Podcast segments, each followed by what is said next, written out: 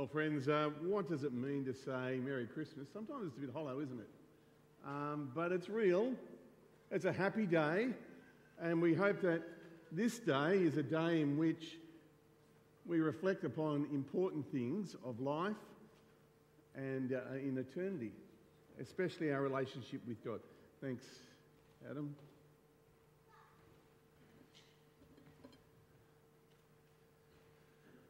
Let me quote some verses from the Bible. In, one, in John 1, we read, The light shines in the darkness, and the darkness has not overcome it. Matthew wrote, The people living in darkness have seen a great light. Light. We're looking at the light on Christmas Day in particular today. Um, have you ever gone to the glowworm tunnel uh, not far out of Lithgow? It's been a popular spot for Kim and I to take out when we uh, had young children to go there regularly on holidays.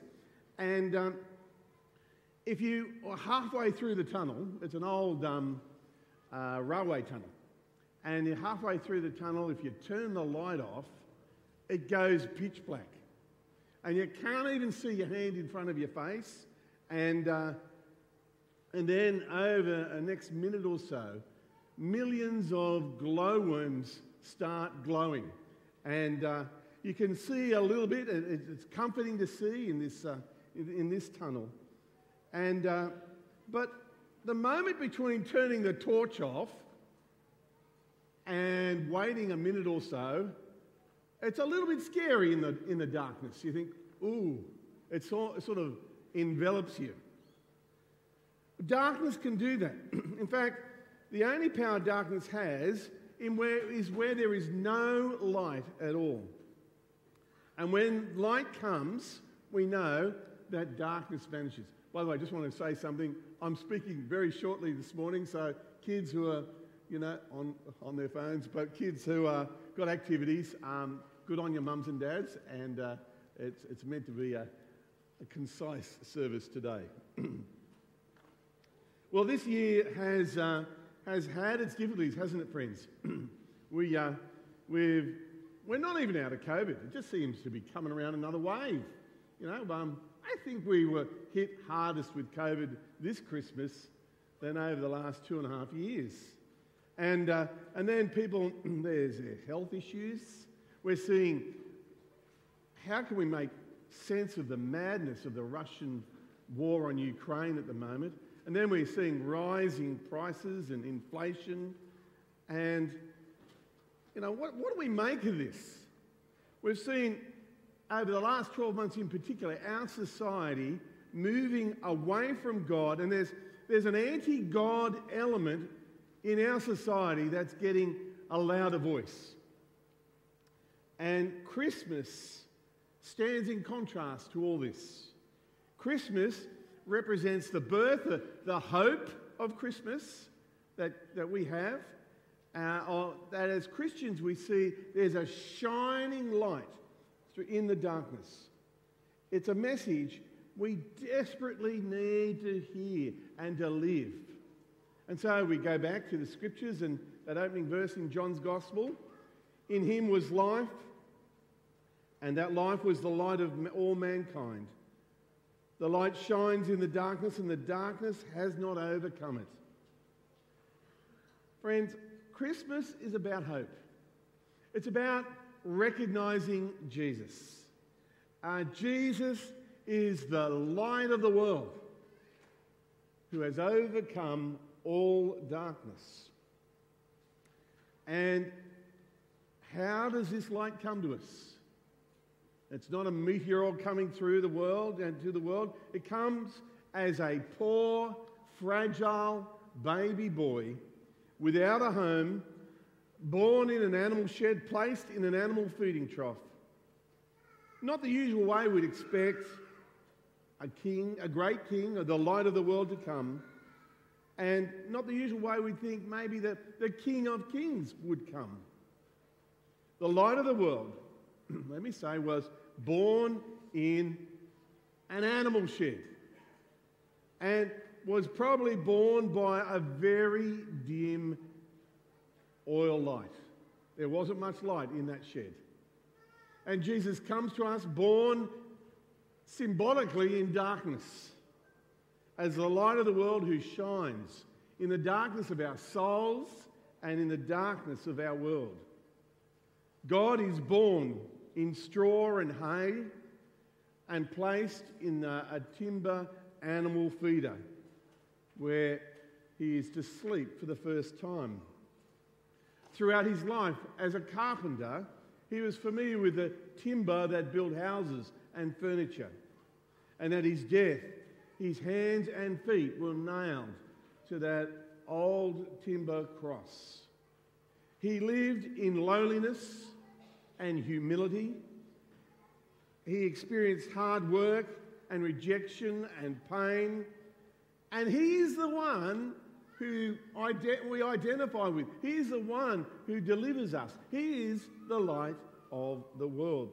He's a beacon of hope for our salvation, a light that eradicates darkness in us and where we live. Well, the very first sermon that Jesus taught, and we're going to hear about that over the next uh, month or so, we see he fulfilled the, the prophecy of Isaiah 9. We read in Matthew 4 The people living in darkness have seen a great light on those living in the land of the shadow of death. A light is dawned. A light is dawned. Jesus comes to his own people, we're told here, the people of Galilee, as the one who brings light to the world. The special thing is that Jesus brings salvation to us. The light of the world, the, the light of salvation, or we call sometimes the hope, the expectation we have. Living in this light, however, does not mean we're spared from difficulty from pain, from suffering. No, but it does say that uh, you know, God is with us. And it does tell us that the hope that we have in Christ, we know that we have a better future. Better than what we even exist now. Jesus did not come to change our present. Rather, he promises to be with us, to comfort us through the present struggles and difficulties and that we will be delivered one day from all that. And evil and darkness will not exist anymore. A person who has hope can infinitely endure more than a person without hope. We see that in studies, in psychology, but we also know we've seen Christians over the years who have hope in the resurrection are able to endure great things. And the promise of Christmas is much like that.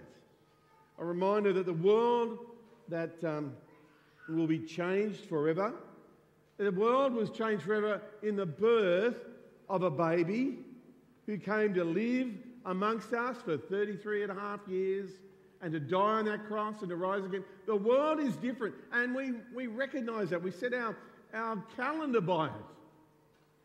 And we set eternity by it. And so all things will be made new one day because of what Jesus has put in motion, what we remember at Christmas time.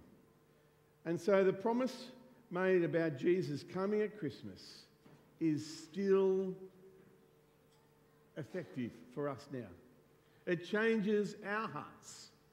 The light that shines in the darkness has come and that darkness is banished. And yet, the work is not over for us. It's not like done and dusted. You know, that you know, the light needs to keep going. It's begun but not finished. It's in process and in motion. And we celebrate today. Yeah, we might celebrate with family. We might have some friends over. We might have a quiet Christmas and celebrate. But we celebrate every year a reminder that 2,000 years ago, the light of the world came and he changed everything in us and in the world. And so we read in uh, John chapter 3 The light has come into the world, But people loved darkness instead of light because their deeds were evil. But whoever lives by the truth comes into the light so that it may be seen plainly.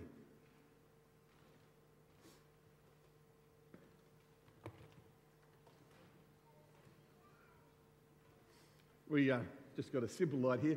Uh, Adam, you can't see a thing now, can you? You're blinded by the light there, I'm, I'm, sure. I'll just step away. No, no, I won't leave it in your eyes. But I'll, I'll face it up. Darkness has no power when it's extinguished by the light. And we too can bring the light of Jesus into our lives, into our homes and friends and family, and into our community. We can bring this light not only to those who are close to us, but also those who are far away from us, that they too may come to the light of the world. We can be declaring the light of the world. Of course, we can be covering it up as well. Or we can only, or we could be just showing a little bit. But, friends, I want us to think about today Jesus shines in darkness. And the true light that has come has enlightened us so that we can be confident to shed our light, that is the light of Jesus, everywhere. And at Christmas time, we remember that. So, whatever you do today, whether it's, um, it's prawns or ham or chicken or whatever you're having with friends or family or just quietly on your own, God bless you. The thing that is most important is not, you know, the, the great fun or uh, relationships we enjoy, they, they are valid in themselves.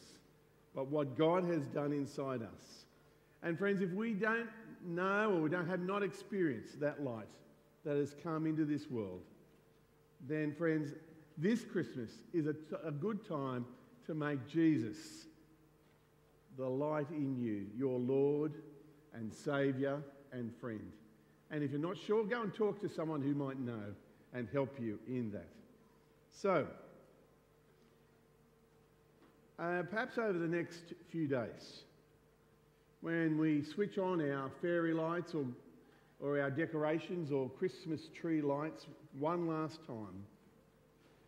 This is the light we should remember as we go into New Year. Not the, the glittering ones, but the one who has changed everything. So, this is just a, a picture, a metaphor of the, the greater thing. The light which came as a tiny baby the light which shines in darkness, can give us hope in 2023. The one that the Magi came such a large distance to see for themselves the King. We're told here, the light of the Gentiles to worship and adore. So, how bright are you allowing the light of Christ to shine in you? Well, I, I pray that you might have a good day today, a happy Christmas with your friends and family or whoever you so choose to be with.